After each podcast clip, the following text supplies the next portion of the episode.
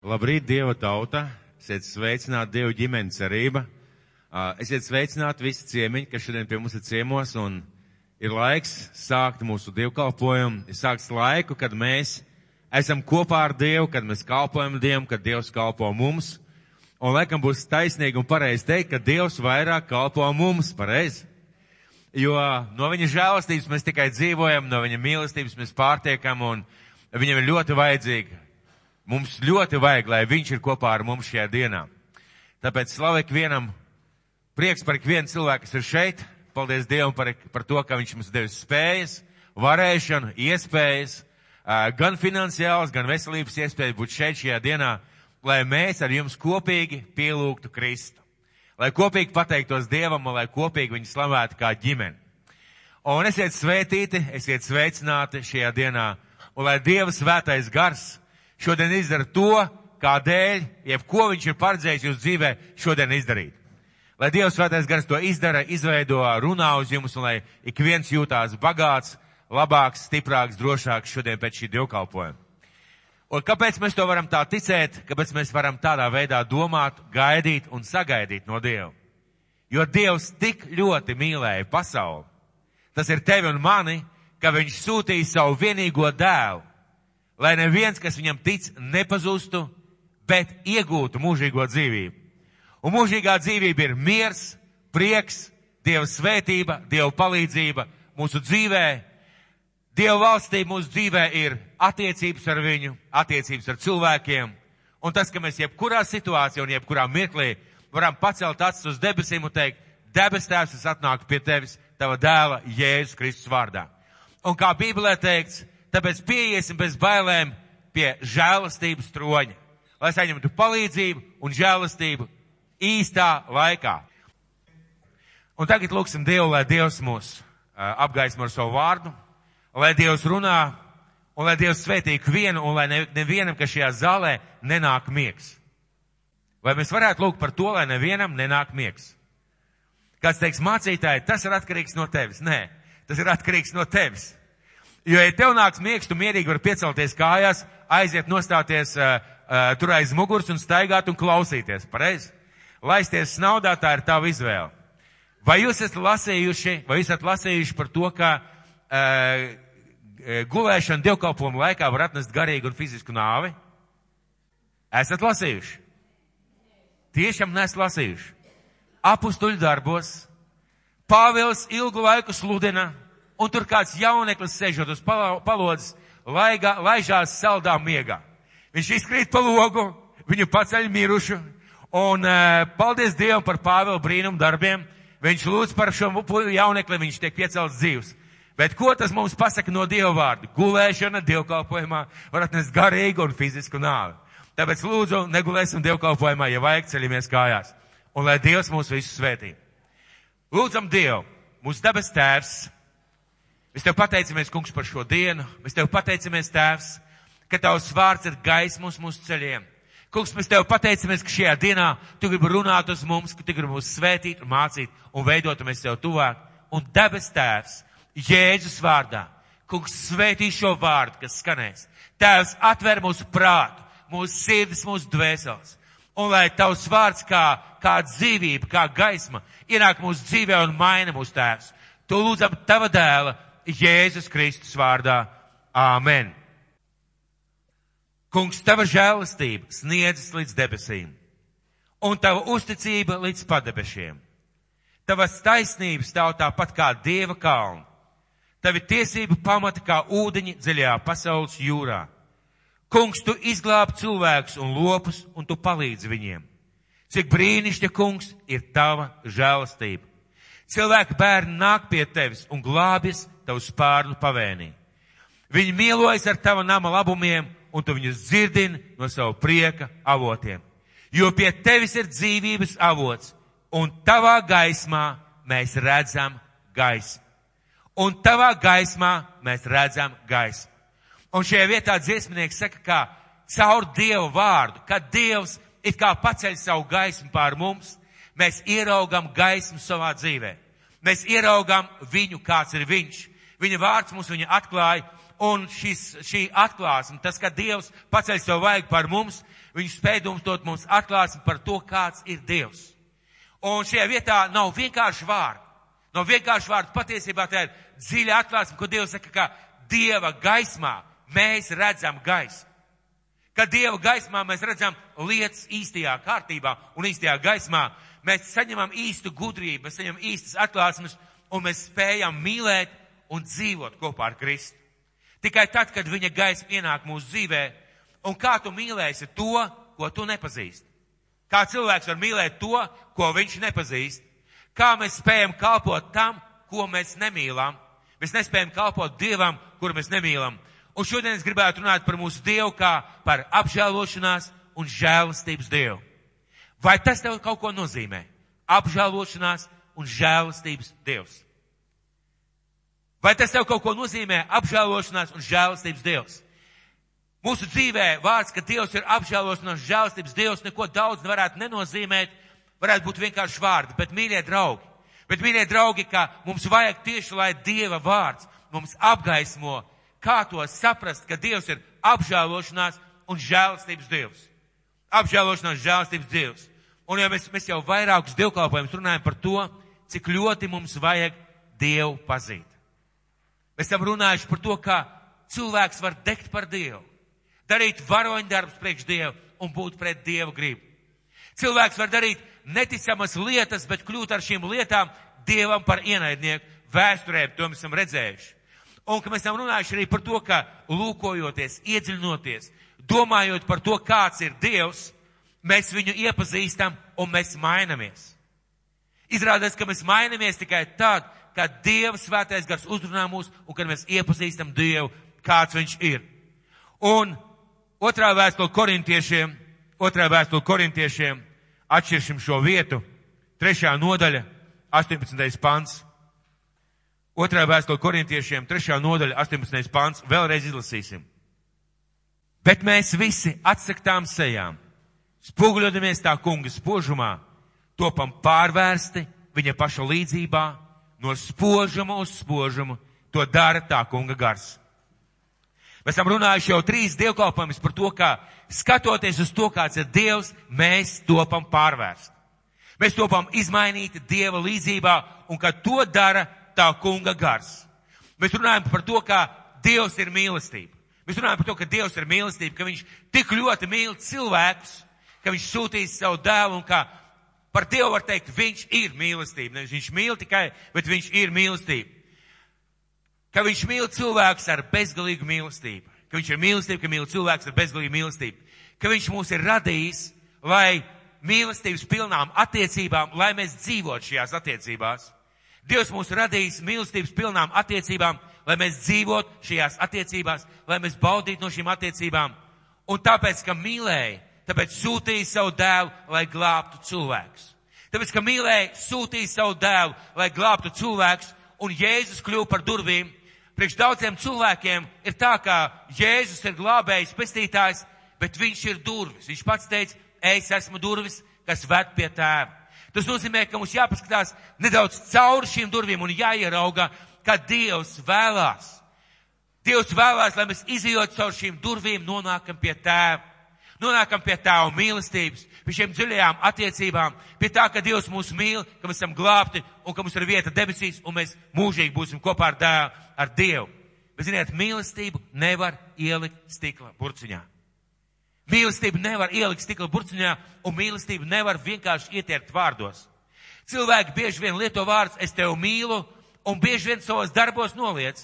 Cilvēki mīl kādu cilvēku, varbūt pat tiešām mīl, bet ar darbiem bieži noliec, ar vārdiem, darbiem, rīcību, noliec šo savu mīlestību.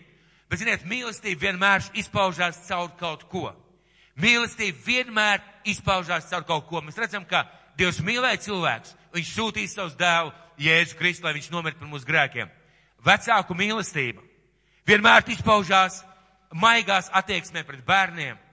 Uh, ja labi vecāki rūpēs gādībā par šo bērnu, tad vecāku mīlestība izpaužās caur kaut ko, lai bērns būtu svētīts.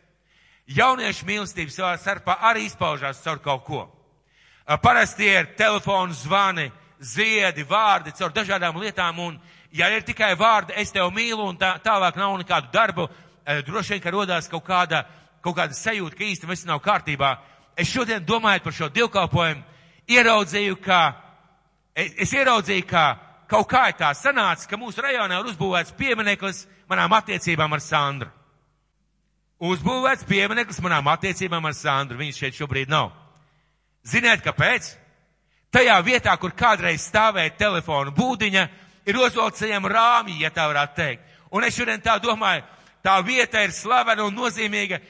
Ilgi es tur stāvēju. Daudz jaunu cilvēku mīdīja to zem pie tās telefona būdiņas, gaidot, ka tas nākošais beigs zvanīt. Protams, tur bija arī citi cilvēki, kas zvanīja. Bet mana attieksme, manas jūtas, viņas, viņas kaut kādā veidā izpaudās caur to, ka mēs runājām reizēm pat stundām ilgi un bieži bija tā, ka beigās jau kāds sāk klauvēt vai uzkrītoši pieiet pie stikla un skatīties tā virsū uz tevi. Un tu saproti, ir pēdējais laiks, jo tūlīt būs skandāls. Tu izēj ārā, tev ir divas, trīs, divas vai trīs divkapēkas, tas cilvēks iet, piezvan, tu atkal ieej būdiņā, atkal iemet savu kapēciņu, un tās kapēciņas tur gāja, ziniet, kaut kādas piecas vai trīs minūtes, un tā kapēciņa atkal bija jāman. Tātad daudz lietas izpaudās, izpaužās cilvēku dzīvē caur to, ka mēs mīlam. Un kad notiek kaut kādas lietas, ko mēs darām, tie ir ziedi, vārdi, attieksmi, dāvanas. Dieva mīlestība mūsu dzīvē izpaužās caur viņa žēlastību. Caur viņa žēlastību.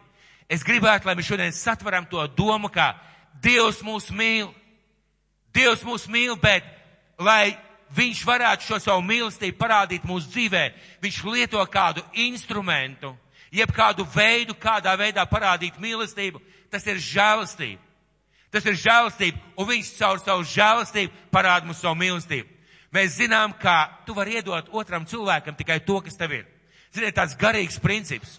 Tu vari iedot to, kas tev ir. Un ja jūs atceraties apustuļu darbu grāmatā, kad Pēters ar Jāni gāja uz, te, uz templu lūgt Dievu, tur sēdēja kāds vīrs, tīzlis no mācas miesām, un viņš gaidīja dāvanas, viņš teica, viņš skatījās uz Pēteru Jānu un, te, un tā kā ļāva saprast, vai lika saprast, ka viņš gaida dāvanas. Un Jānis pieiet pie šie vīri un saka, kas man ir, to es tev dodu. Jēzus Kristus vārdā celies un staigā. Un ir tāds princips, ka tu otram cilvēkam var iedot tikai to, kas tev ir. Tikai to, kas tev ir, tikai tas, ko tev piedeva, piedara. Un Dievam ne tikai ir žēlastība, Viņš ir žēlastības Dievs. Viņš ir mīlestības Dievs. Viņam nav tikai žēlastība kaut kādā mirklī, Viņš ir žēlastības Dievs. Jēzus, kad runāja par sevi, viņš teica, esmu ceļš, patiesība un dzīvība. Viņš neteica, es zinu ceļu, es zinu patiesību, es zinu mūžīgo dzīvību vai pazīstu. Viņš teica, es esmu ceļš, patiesība un dzīvība. Un Dievs saka, es esmu žēlastības un mīlestības Dievs. Tas nozīmē, ka viņš iemieso žēlastību, mīlestību un žēlsirdību. Dievs ir žēlastības, apžēlošanās un žēlsirdības Dievs. Un žēlastība, mīļie, ir kaut kas tāds, ko tu saņem nepelnīt.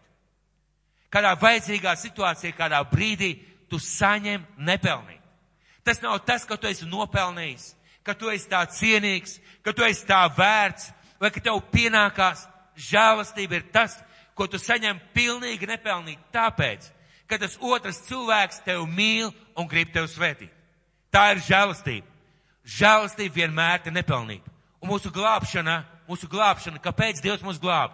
Tāpēc, ka mīlēja un žēlastība un žēlsirdība ir kā līdzeklis, lai mēs tiktu izglābti.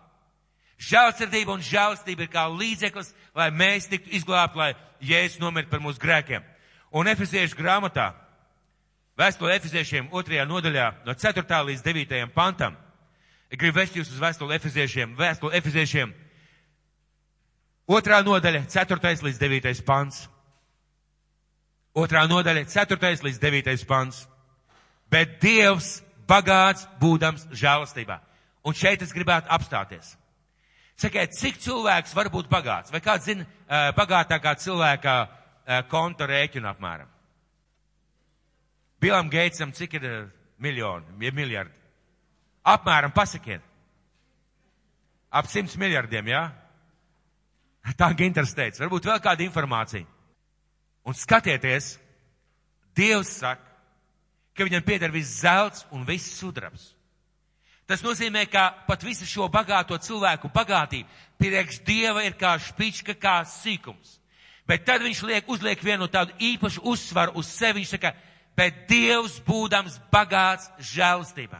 Ko tas nozīmē? Ja Dievs pats par sevi pataka, pasaka, es esmu bagāts, tas vispār pat nav salīdzināms ar cilvēciskiem rādītājiem.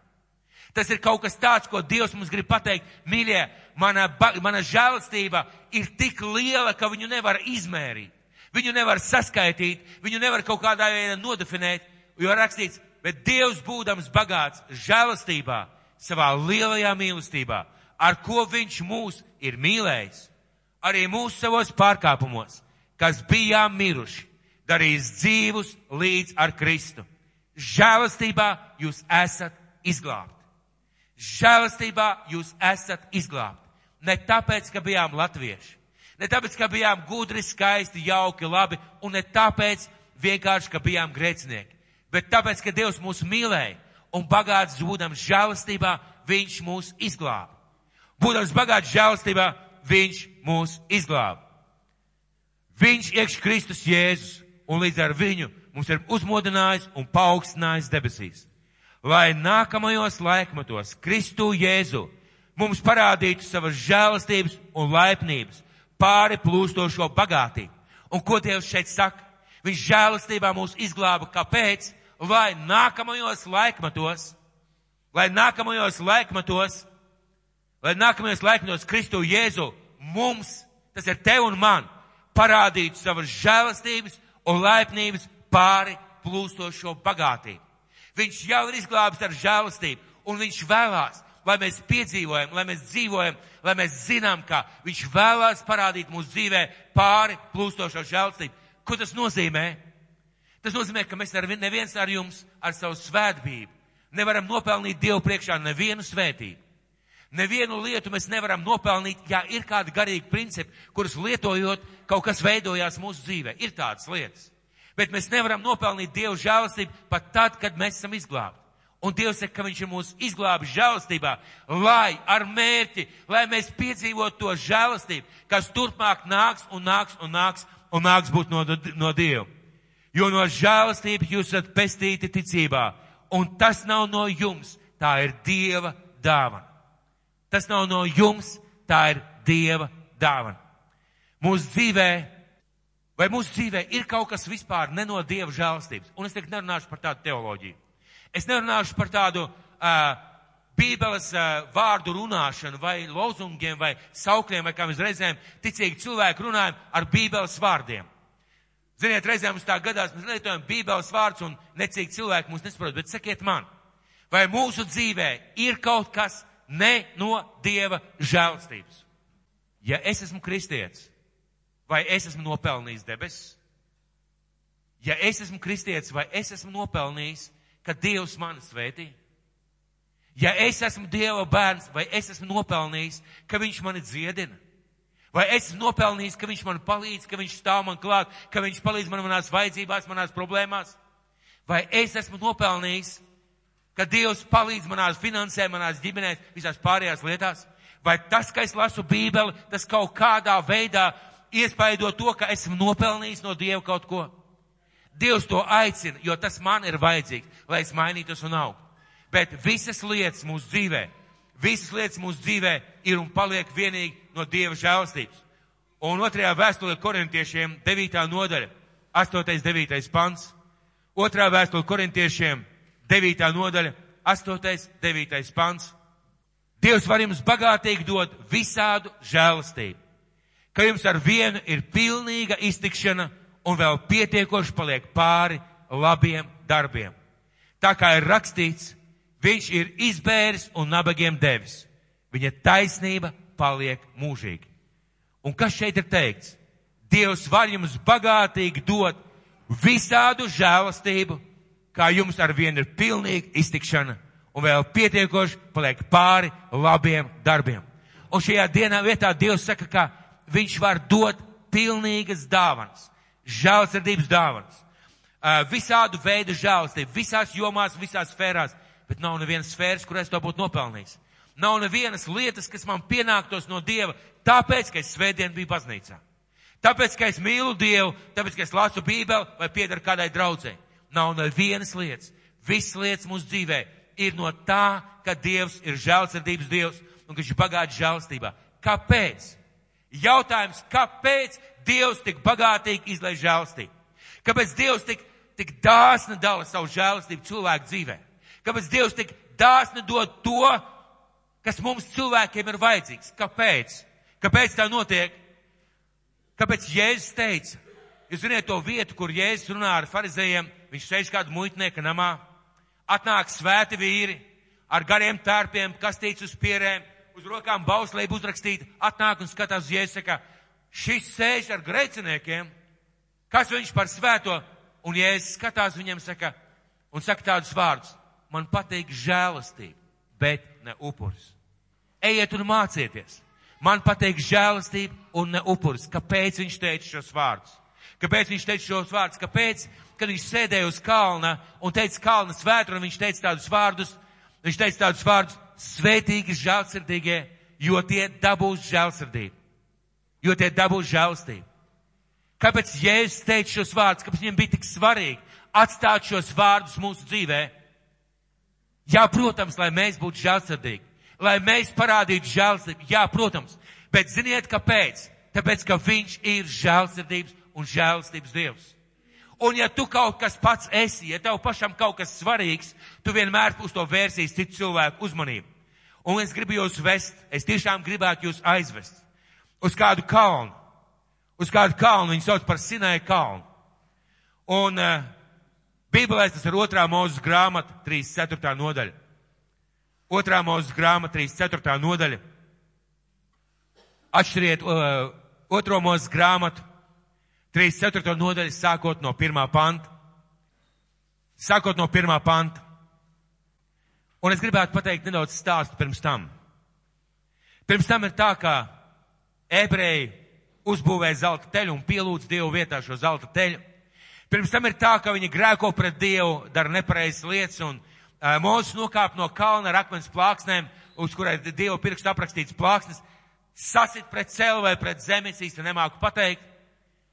Un viņš ir sadusmojies, un pēc tam viņš uh, satiekās ar Dievu regulāri un saka, Dievs, ko man tagad darīt? Un viņš lūdz, lai Dievs izdara vienu lietu. Viņš lūdz, lai Dievs izdara vienu, lai iet kopā ar viņu uz apsolīto zemi. Jo Dievs tajā vietā laikā pateica, jūs iekarosiet šo zemi, bet es pats neiešu ar jums. Un Dievs saka, es neiešu ar jums, un tad mūsu lūdz Dievs, ja tu esi mums piedevis, ja tu kaut kādā veidā gribi, lai mēs esam svētīti, ej pa priekšu, jo ja tu neies, mēs arī neiesim, mēs arī paliekam šeit. Un Dievs saka, labi, es darīšu arī šo lietu. Un Jos, Mūzes saka tādu frāzi, Mūzes uz atvadām Dievam saka tādu frāzi, rādi man lūdzams savu godību. 18. pants. Otrajā Mūzes grāmatā, 33. nodaļā, Un Mūzes teica, rādi man lūdzams savu godību. Rādi man lūdzams savu godību. Mūzes saka, es gribu redzēt tavu godību. Un tad mēs lasām tālāk, ka Dievs viņam saka, kādā veidā tas notiks. Un pēc tam Dieva vārdi ir priekš Mūzes 34. nodaļa no 1. panta. Pēc tam tas kungs sacīja Mūzum, izkal sevis divas akmens plāksnes, tādas kā iepriekšējās, ka es uz tām varu rakstīt vārdus, kādus es biju rakstījis uz abām pirmajām akmens plāksnēm, kuras tu sasiti. Un esi gatavs rītā no rīta uzkāpt cinēja kalnā, un tur tu kalna virsotnē nostāsies manā priekšā. Un lai neviens nekāpj augšup kopā ar tevi, lai neviens nav redzams visā tajā, tajā kalnājā, arī sīklops vai lielops nē, lai tie netiek izdzīti ganos iepratīm šim kalnam. Un Mūzus izkala divas akmens plāksnes, gluži tādas, kādas bija iepriekšējās, un sajozās agri no rīta un kāpa sinēja kalnā, kā tas kungs viņam to bija pavēlējis. Savā rokā viņš nesa abas akmens plāksnes. Šeit es gribētu nedaudz apstāties. Mūzus grib vairāk vienkārši par atbildi savā dzīvē. Viņš grib vairāk vienkārši par to, lai, ka, lai Dievs iet kopā ar viņiem. Viņš saprot, ka viņš Dievu nesaprot. Viņš saprot, ka viņš Dievu nepazīst tā kā vajag. Viņš saprot, ka Dievs runā ar viņu vaigu, vaigā kā draugs ar draugu. Bet viņš saka, Dievs, rādi man savu godību. Es gribu redzēt kaut ko vairāk par to, ko es zinu šobrīd vai saprotu. Un Dievs saka, labi, ja tāda ir tava vēlēšanās, Un spriežot pēc Dieva vārdiem, man vajag, tu nevarēsi redzēt. Mūzes lūdza iespēju redzēt Dievu vajag. Un Dievs saka, man vajag, tu nevar redzēt. Jo, ja cilvēks redz man vajag, viņam ir jāmirst. Tā ir tāda spožums un godība, ka ir jāmirst. Bet, zini, tur augšā ir kāda plaisa. Un, kad es iešu tev garām, es likšu pār savu roku. Un, kad es paiešu garām, tu redzēsi mani. Un tālāk 34. nodaļā rakstīts, ka Mūzus tā arī dara. Vai tu šajā dienā varētu uzkāpt kopā ar mani šajā kalnā? Halo, jūs mani dzirdat? Uzkāpsim kopā šajā kalnā. Un Mūzus dara tā, kā Dievs viņam teica. Viņš sagatavo šīs plāksnes, pasaka pēdējos kaut kādus vārdus savai komandai, viņš jožās un kāp šajā kalnā. Es nezinu, ko Mūzus gaidīja. Es nezinu, ko Mūzus gaidīja. Ļoti iespējams, tā kā Elija dzirdēja vai redzēja pērkonu, zemestrīci, uguni, lielu vēju, es nezinu, ko Mūzus gaidīja. Bet, kad viņš uzkāp šajā kalnā, un kad tu šodien uzkāp šajā kalnā, viņam ir vēlēšanās kaut ko saņemt no Dieva un ieraudzīt Dieva godību. Un lūk, kas notiek, tad tas kungs nolaidās mākonī, nostājās viņa priekšā un nosauca tā kunga vārdu. Iedomājies, ka tas uzkāps kopā ar mani šajā kalnā. Mēs stāvam šajā kalnā un mēs gaidām, jo tur, tur mēs esam izdarījuši to, ko Dievs teica, un tūlīt jāatnāk Dievu godībai, un Dievam jāatnāk, eh, jāparādās fiziskā veidā, kaut kādā veidā jāizpaužās, un rakstīts, ka tad tas kungs novēdās mākonī, atsimnot kaut kāds mākonis nonāca šie kalna, nostājās viņa priekšā, nostājās Mozus priekšā un nosauca tā kunga vārdu. Un tas kungs gāja viņam garām, un viņš sauc. Dievs sauc. Tas kungs, kungs, apžēlošanās, žēlastības dievs, pacietīgs un bagāts žēlsirdībā un uzticībā, kas tūkstošiem saglabās žēlastību, piedod noziegumus un pārkāpumus un grēkus, bet arī neatstāja nesodītu nevienu, piemeklēdams tēvu grēkus pie viņa bērniem līdz trešajam un ceturtajam augumam Bet Mūzes steidzīgi palocījās un pazemojās līdz zemē. Un man ir jautājums. Man ir jautājums, kāpēc dusmīgais, kā Mūzes domāja, kāpēc rijotā uguns, kāpēc radītājs, kāpēc visu varrais un spēcīgais Dievs pirmo reizi tik spēcīgi atklājoties cilvēcei lieto vārdus, tas kungs, kungs, žēlstības un žēlsirdības Dievs. Kāpēc viņš lieto šos vārdus sakot, tas kungs, kungs apžēlošanās un žēlastības dievs, pacietīgs un bagāts žēlsirdībā un uzticībā, kas tūkstošiem saglabās žēlastību, piedod noziegumus, pārkāpumus un grēkus. Kāpēc viņš to pateica? Tāpēc, ka iekšā mums ir šī sajūta, ka mēs neesam neko pelnījuši. Tāpēc, ka mums ir vajadzīga žēlastība no Dieva. Tāpēc, ka mūsu dzīvē viss atnāk caur žēlastību, un ja mēs Dievu nesatveram kā žēlastības Dievu, kā mēs viņam tuvosimies? Kā mēs viņu mīlēsim, kā mēs gaidīsim satikšanos ar viņu mūžībā, ja es neticu, ja es nezinu, ja es nesatveru, ka viņš ir žēlastības un apžēlošanās Dievs.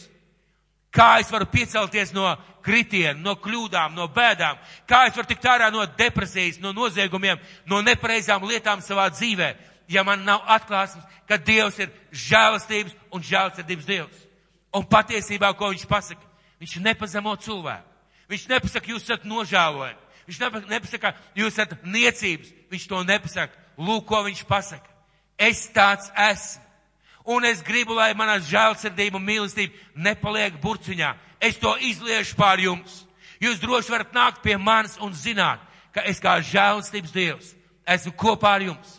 Ko tas nozīmē? Tas nozīmē to, kā viņš atklāja savu būtību, kāds viņš ir. Viņš atklāja savu dziļāko būtību, un viņš saka, es vienkārši tāds esmu. Un tas, kas es esmu, to es daru.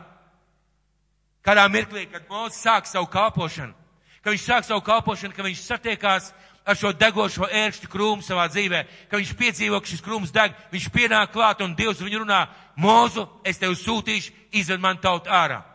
Un mūzum ir pamatots jautājums Dievam Dievs, bet kad es iešu pie savas tautas un teikšu, ka tu man teici, lai izvad ārā, viņi jautās, kas tas ir, kas tev teica?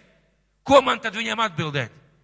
Un Dievs saka, es esmu, kas es esmu. Saki viņiem, es esmu, kas es esmu. Un šis pats Dievs saka, es esmu žēlastības un Dievs un apžēlošanās Dievs.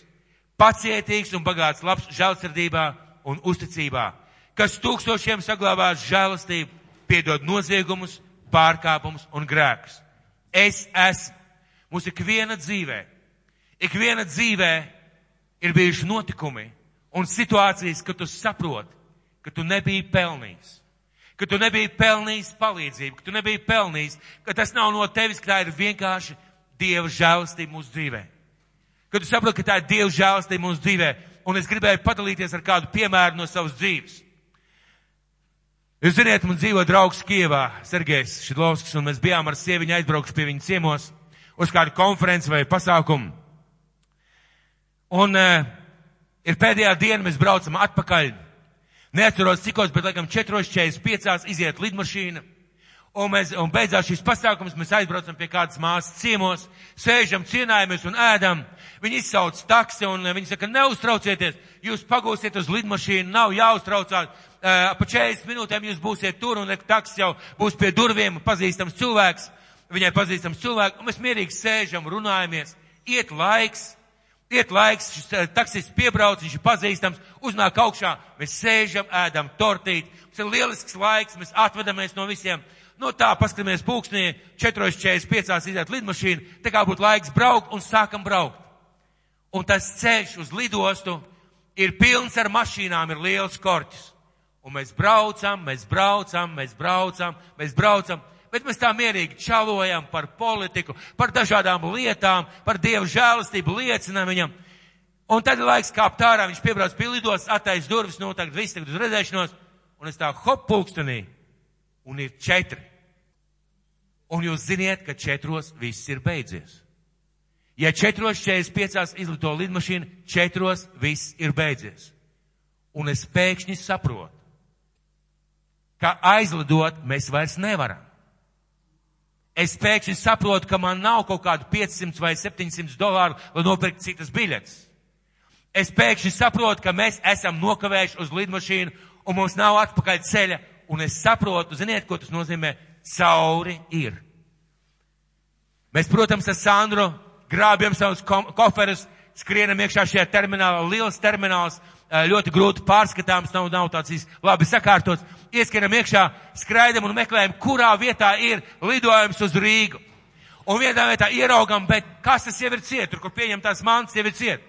Un mēs stāvam tā, un es tā skaļā balsī, ne, ne varbūt neprecīzi visu izstāstīšu, bet tā debes tēvs palīdzi. Burtiski izmisumā debes tēvs palīdzi. Un pēkšņi es redzu, kā viens lidotāja formā ieiet vienā oficiālā kabinetā, turpat blakus.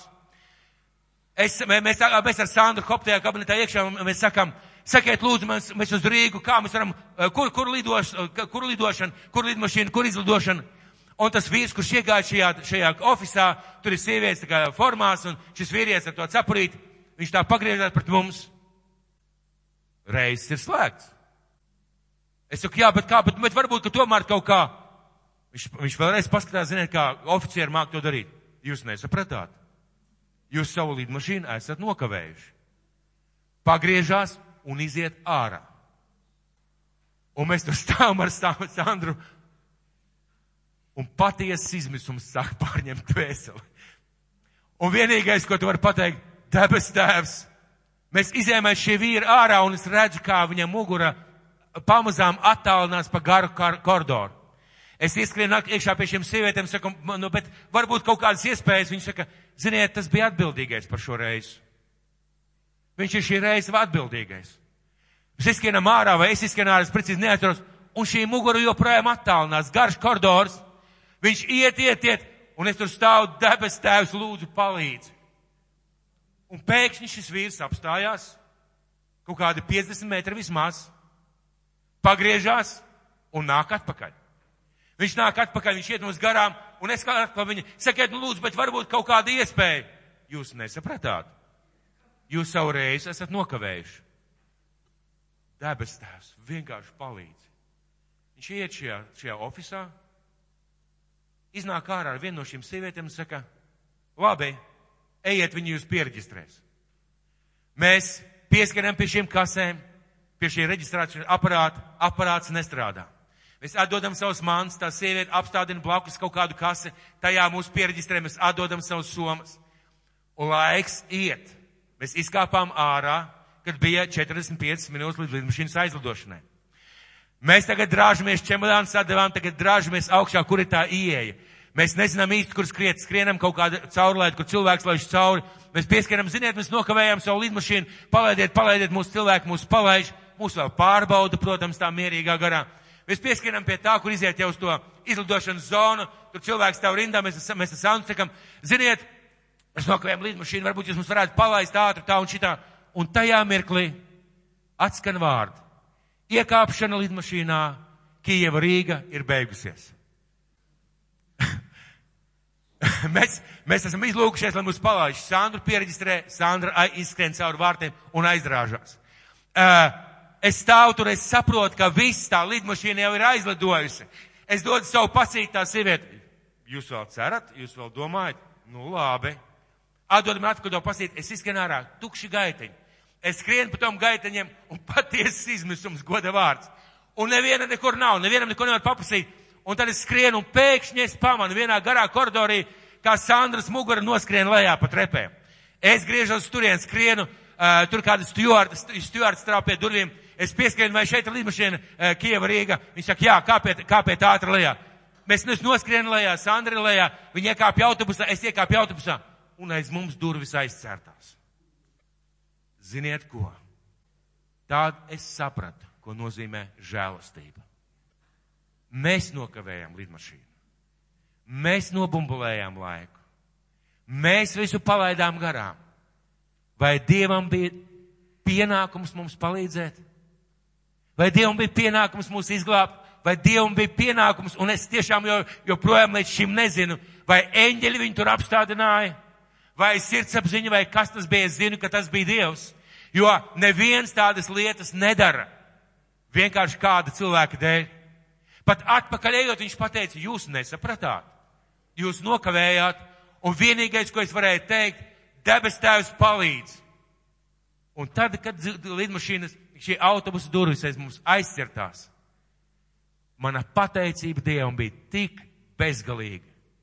Un es sapratu, ka tā ir bijusi vienīgi Dieva žēlastība. No tās reizes es kaut ko esmu mācījies. Un tiem, kas ar mani lidoja, ir jārēķinās, ka es gribēšu ļoti laicīgi būt lidostā. Bet es izbaudīju, kā tas ir, kad Dieva žēlstība burtiski materializējās tavā dzīvē caur neiespējamām lietām. Un to es piedzīvoju, to mēs ar Sandru piedzīvojam, un es šodien zinu, kā tas ir, ka tu kā saņem no Dieva nepelnītu žēlstību. Un kad šajā vietā Dievs saka, žēlastībā jūs esat izglābti, lai turpmākajos laikmetos Dievs bagātīgi varētu parādīt jums žēlastību. Es zinu, ko tas ir. Es zinu, kas tas ir. Un lai Dievs svētī, ka mums ikvienam būtu šī atklāsme. Un lūk, mūs uzkāp kalnā. Un lai tā vietā dzirdētu, esmu bargais Dievs, radītājs Dievs, kas jūs tiesās, kas jūs sodīs, kas jums atmaksās, un jūs stāvēsiet manā priekšā, un es spriedīšu bargu tiesu. Viņš dzird vārdus. Un ļoti iespējams, ka mūzum, kā tādam patiesam Dievu vīram bija pārsteigums par to, ko viņš dzirdēja, un lūk, ko viņš dzird. Un tas kungs gāja viņam garām, un viņš sauc, tas kungs, kungs, apžēlošanās un žēlastības Dievs. Pacietīgs un bagāts žēlsirdībā un uzticībā, kas tūkstošiem saglabās žēlastību, piedod noziegumus un pārkāpumus un grēkus. Viņš saka, tāds es esmu. Un tāpēc, ka tāds es esmu, es parādu jums žēlstību. Un ka tu redz, dzīves, eh, redz tādu Dievu savā dzīvē, ka tu redzi tādu Dievu savā dzīvē kā žēlstības Dievu, tādu mūsu kungu Jēzu Kristu, un kad mēs spoguļojamies šajā atklāsmē, ko viņš ir pateicis, esmu žēlstības un žēlsirdības Dievs. Kad mēs spoguļojamies šajā atklāsmē, kad mēs domājam par to, ka Dievs ir žēlstības Dievs, mums ir drosme visās situācijās. Mums ir paļāvība jebkurā lietā. Un mēs, mīļie draugi, mēs sākam izmainīties. Mēs gribam kļūt, būt žēlsirdīgi. Mēs gribam būt cilvēki, kuri parāda žēlastību. Mēs gribam būt cilvēki, kuri ir līdzīgi Dievam šajā ziņā, jo mēs esam piedzīvojuši, ka Dievs mums parādīja. Mēs esam piedzīvojuši, ka Dievs mūsu dzīvē ir darbojies ar žēlastību, un mēs kļūstam spējīgi parādīt cilvēkiem žēlastību, kas nāk no viņa. Un mēs kļūstam spējīgi būt viņam līdzīgi. Mums gribās piedot, mums gribās būt žēlsirdīgiem, mēs it kā nosauļojamies viņa gaismā. Mēs it kā nosauļojamies viņa gaismā, kļūstam viņam līdzīgi. Un svētais gars tieši tāpēc. Tieši tāpēc svētais gars pirmā Pētera vēstulē. Pirmā Pētera vēstule. Ceturtā nodaļa, 7. 11. pants. Pirmā Pētera vēstule, vēstule, ceturtā nodaļa, ceturtā nodaļa, 7. līdz 11. pants. Pētera pirmā vēstule, ceturtā nodaļa, 7. līdz 11. pants. Bet visu lietu gals ir to klāt pienācis. Tad nu topiet saprātīgi un skaidrā prātā, lai jūs varētu Dievu lūgt. Par visām lietām, lai jums būtu sirsnīga mīlestība citam pret citu, jo mīlestība atklāja grēku daudzumu. Esiet viesmīlīgi cits pret citu bez kurnēšanas. Kādu katrs dāvanu saņēmis, ar to kalpojiet cits citam, kā labi dažāda veida dieva žēlastības namturi. Viņš saka, jūs esat iemantojis žēlastību, jums ir kā ir uzticēta šī žēlastība dažādos veidos, caur dažādām dāvanām, dažādām iespējām, kalpojiet kā labi dieva žēlastības namturi. Mēs varam kalpot kā labi Dieva, Dieva, Dieva žēlstības namturi tikai tad, kad mums tas ir. Ja man ir šī atklāsme, ka Dievs, Dievs ir žēlsirdības Dievs. Ja man ir šī atklāsme, ka Jēzus atnāca uz šo zemi tāpēc, ka viņš mīlēja un ka viņš gribēja parādīt žēlstību. Ja man ir atklāsme, ka Dievs katru dienu man dod žēlstību.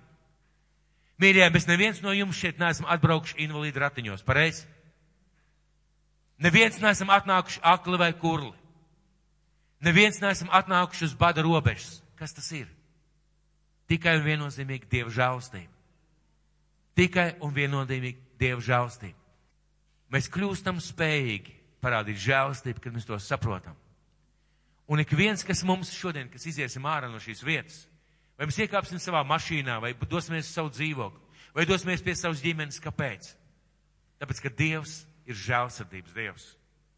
Viņš grib parādīt žēlastību un mīlestību. Un tad, kad es, tad, kad es neparādu žēlastību, tad, kad es neparādu mīlestību cilvēkiem, tad, kad es nepiedodu, tad, kad es izturos slikti pret cilvēkiem, es nostājos pret žēlsirdības Dievu. Un vienīgais, kas manu ļauno sirdi vai cieto cilvēcisko sirdi var mainīt, atklāsme, ka Dievs ir žēlsirdības Dievs.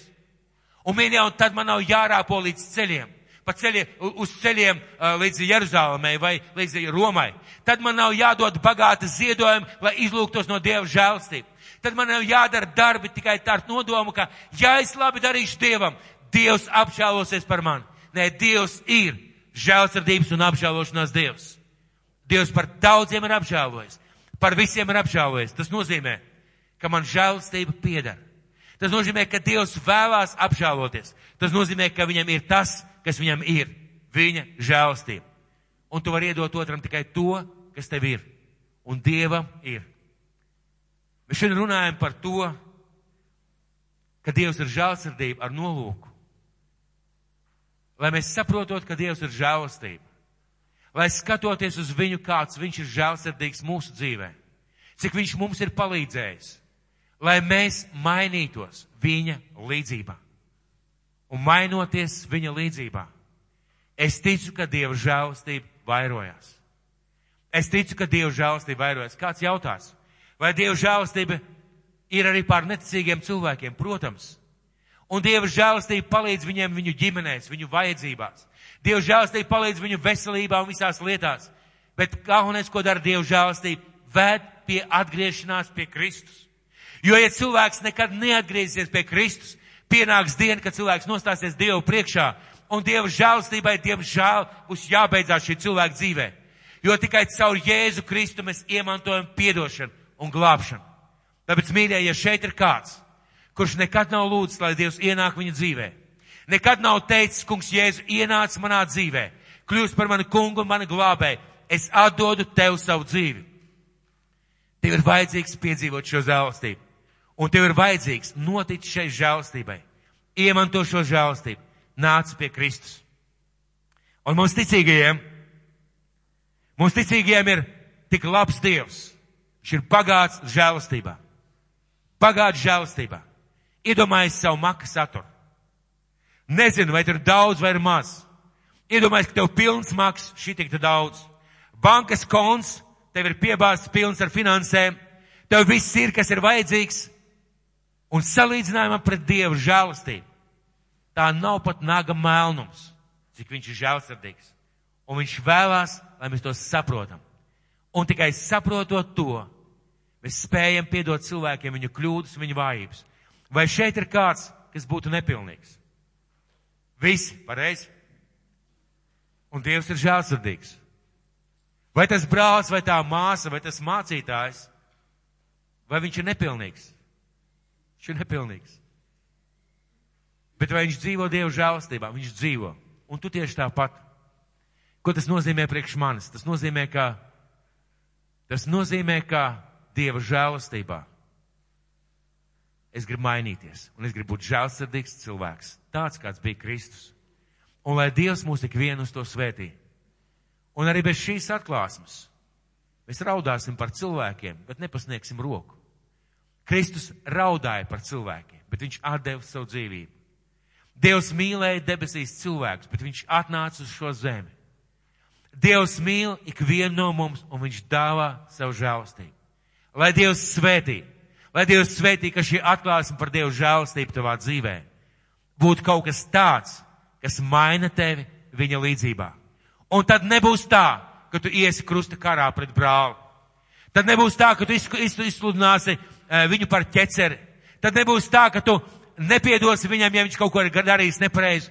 Tu to spēsi izdarīt, jo tev ir atklāsme, ka mūsu Dievs ir žēlsirdības Dievs.